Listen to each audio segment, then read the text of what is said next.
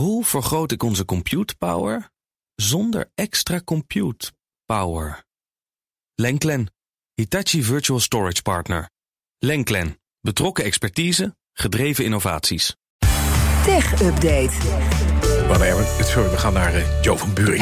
Ben naar Erwin van, Erwin van Buurik? Nee. Joe van Buurik. Wacht, Goedemorgen, Joe. Goedemorgen. Waar staat- Hallo. Waar staat het nog vast? Ja, geen idee. Ja. Technologische oplossingen voor. Nee, nog want niet. anders stonden we niet vast. Dat is waar. Social media platforms komen in actie naar waarschuwingen over content rond het conflict in Israël. Nou, Ja. Hè, hè. Nou ja, het eh, vliegt al een week in de rond, hè, de waarschuwingen. Ja. Sinds het moment dat het eh, geweld op grote schaal uitbrak. In elk geval, volgens de platforms zelf wordt er nu ook echt wel wat gedaan om nepnieuws en haatzaaiende content te bestrijden. Kijk bijvoorbeeld naar Meta, dan zouden er al 800.000 posts zijn verwijderd van vooral Facebook en Instagram. Zeven keer zoveel in een week tijd ten opzichte van de twee maanden daarvoor. En dan gaat het vooral om content in het Hebreeuws of Arabisch, dus eh geleerd aan of afkomstig uit de landen in conflict. Daarvoor werkt Meta ook samen met factcheckers die de taalgoedmeester zijn.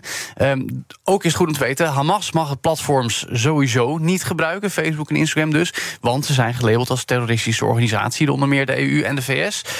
Kijken we dan naar TikTok, ook daar wordt actie ondernomen vergelijkbaar met Meta. Dat heeft zelfs naar eigen zeggen een heel commandocentrum gelanceerd.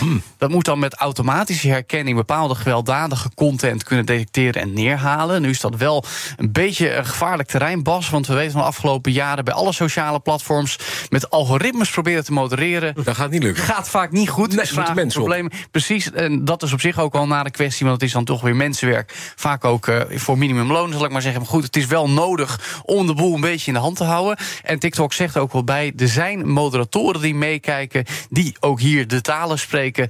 En vooral als het gaat om live content, wat uitgezonden wordt uit die regio, zijn er nu veel restricties. Dus niet opeens iemand die even met zijn eh, eh, eh, smartphone live kan gaan, zoals het dan heet in dit geval op TikTok, om allerlei schadelijke content te tonen. Dat wordt allemaal goed onder controle gehouden, naar eigen zeggen, Ja. door TikTok en Meta. Nou, vorige week werd al, weet het, X op de vingers getikt. Ja, nogal het meest Musk- in de beeldvorming. Nou, en Musk moet daar morgen achter de balans geven. In ieder geval met een brief uitleggen waarom hij eh, niet modereert. Mhm. Maar nog een enorm videoplatform wat een waarschuwing krijgt. Hè? Ja, YouTube natuurlijk. De Ja. grootste van allemaal. In ieder geval als het gaat om video's. De vergelijking met TikTok dringt zich vaker op. Maar ook hier moet volgens de EU beter gewaakt worden voor illegaal materiaal en desinformatie.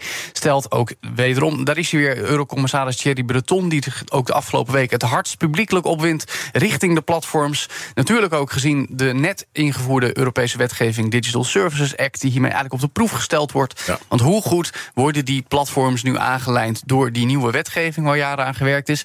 YouTube heeft dan volgens Breton een bijzondere verantwoordelijkheid. Juist omdat zoveel kinderen en jongeren dat platform gebruiken. Eh, daarmee, ja, dat is een interessante vergelijking met TikTok, want ook daar kun je dat zeggen. Maar YouTube is van een westerse techreus, namelijk Alphabet. En dus heeft de topman Sundar Pichai eh, een brief ontvangen van Breton. waarin gewezen wordt op deze zaken. dat het platform nog duidelijker nieuws moet onderscheiden. eh, eh, als het gaat om eh, terroristische propaganda en wat wel gefactcheck is. Het interessante is, Bas, vind ik dat YouTube al best goed is in het verleggen van bepaalde kanalen en video's. Eh, bijvoorbeeld, eh, wat is van staatsomroepen afkomstig en eh, wat niet.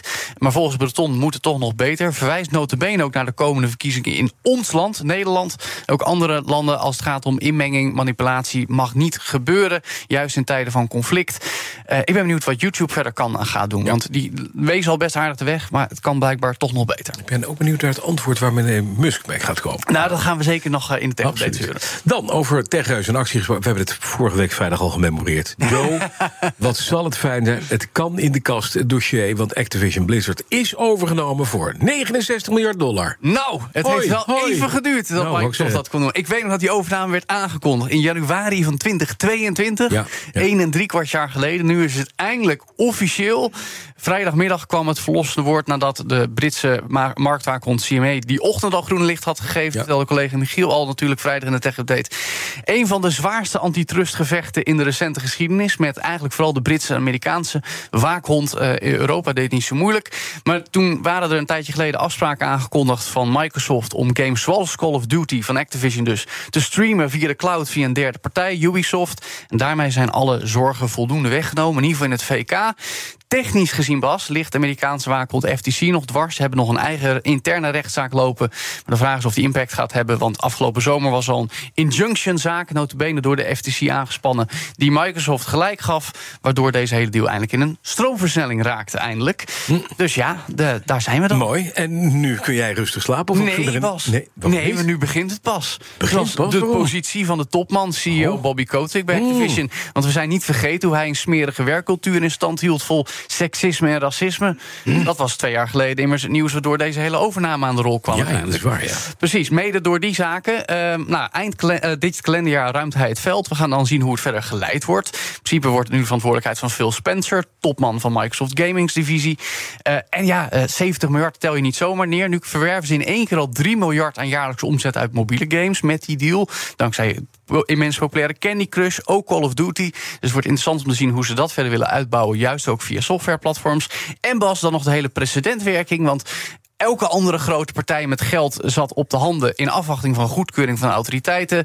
Nu is die gegeven, dus denken ze, nou, dan kunnen wij dat misschien ook wel gaan doen. En dan Ja. moet je denken partijen als Disney, Sony of zelfs Apple, om ook dit soort, nou, misschien Grote niet 70 clubs over te nemen. Precies, maar wel echt mega acquisities gaan doen in de en komende tijd. daarvan hebben we ook een paar grote in Nederland zitten. Hè? Grote gameontwikkelaars. Ja, ja, vooral studio's. Dat zou zomaar kunnen. Qua- uitgevers niet zozeer, maar eh, ik nee. denk dat er voor Studio's. het einde van dit jaar nog wel een grote aankondiging Eh, gaat komen. We gaan het zien. Dus we blijven gewoon bezig. Heerlijk. Lekker, hè? Wat fijn, hè, Ja. Joe? Allemaal over gamen. Nou, ook Jouw over hobby. tech. Gewoon de Oh, tech-industrie het, ja, is het is het. het, ja, ja. Een omzet van 200 miljard per jaar. Ja, Joe. Ja, Geld. Ja, ja. Joe. En dat is leuk. Dankjewel, Joe van Burg. De BNR Tech Update wordt mede mogelijk gemaakt door Lenklen. Lenklen. Betrokken expertise, gedreven resultaat. Hoe vergroot ik onze compute power zonder extra compute power? Lenklen. Hitachi Virtual Storage Partner. Lenklen. Betrokken expertise, gedreven innovaties.